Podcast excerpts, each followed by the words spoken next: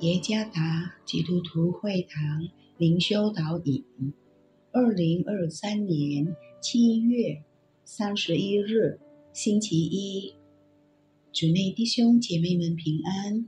今天的灵修导引，我们要借着圣经马太福音第四章十九节，以及约翰福音二十一章十五到十九节。来思想今天的主题，给你再一次机会。作者：李米沙牧师。马太福音第四章十九节，耶稣对他们说：“来跟从我，我要叫你们得人如得鱼一样。”约翰福音二十一章。十五到十九节，他们吃完了早饭。耶稣对西门彼得说：“约翰的儿子西门，你爱我比这些更深吗？”彼得说：“主啊，是的，你知道我爱你。”耶稣对他说：“你喂养我的小羊。”耶稣第二次又对他说：“约翰的儿子西门。”你爱我吗？彼得说：“主啊，是的，你知道我爱你。”耶稣说：“你牧养我的羊。”第三次对他说：“约翰的儿子西门，你爱我吗？”彼得因为耶稣第三次对他说：“你爱我吗？”就忧愁，对耶稣说：“主啊，你是无所不知的，你知道我爱你。”耶稣说：“你喂养我的羊，我实实在在的告诉你，你年少的时候自己束上带子，随意往来；但年老的时候，你要伸出手来，别人要把你束上，带你到不愿意去的地方。”耶稣说这话是指着彼得要怎样死。荣耀神，说了这话，就对他说：“你跟从我吧。”这句话的出现，是因为许多人希望通过时光倒流，让自己能够得到第二次的机会来改正过去所犯的错误。但事实上，时间继续在往前进。想要回到过去，只是幻梦而已。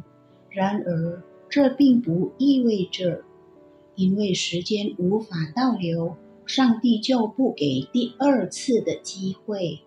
上帝会给第二次的机会的，同时仍然每天赐予生命气息。事实上，每个人总是有第二次机会的。彼得是耶稣很勇敢的门徒之一。当时耶稣被捉拿和被许多人羞辱时，他反而三次的否认基督。曾经表现突出的彼得，不得不因遗憾而落泪，因为坚守失败而否认弥赛亚。彼得的故事。并没有到此而结束。耶稣复活后，他亲自来到彼得那里，并私下与他四目交谈。耶稣似乎在重演他们两人在加利利海边第一次见面的那时刻。耶稣给了彼得第二次机会来履行他的服侍事工。我们是否觉悟到，我们现在的生命是上帝赐予的第二次机会？事实上，亚当和夏娃堕落犯罪，仿佛已断绝了第二次的机会。亚当和夏娃。决定要违背上帝的旨意时，已导致他们走向灵命的死，那就是与上帝隔离。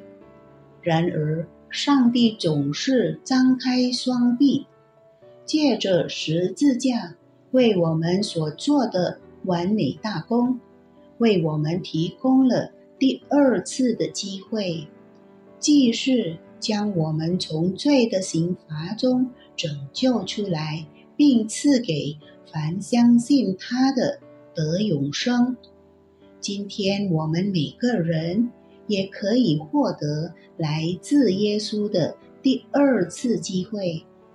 我们黑暗的过去，因为基督十字架的宝血得蒙赦免。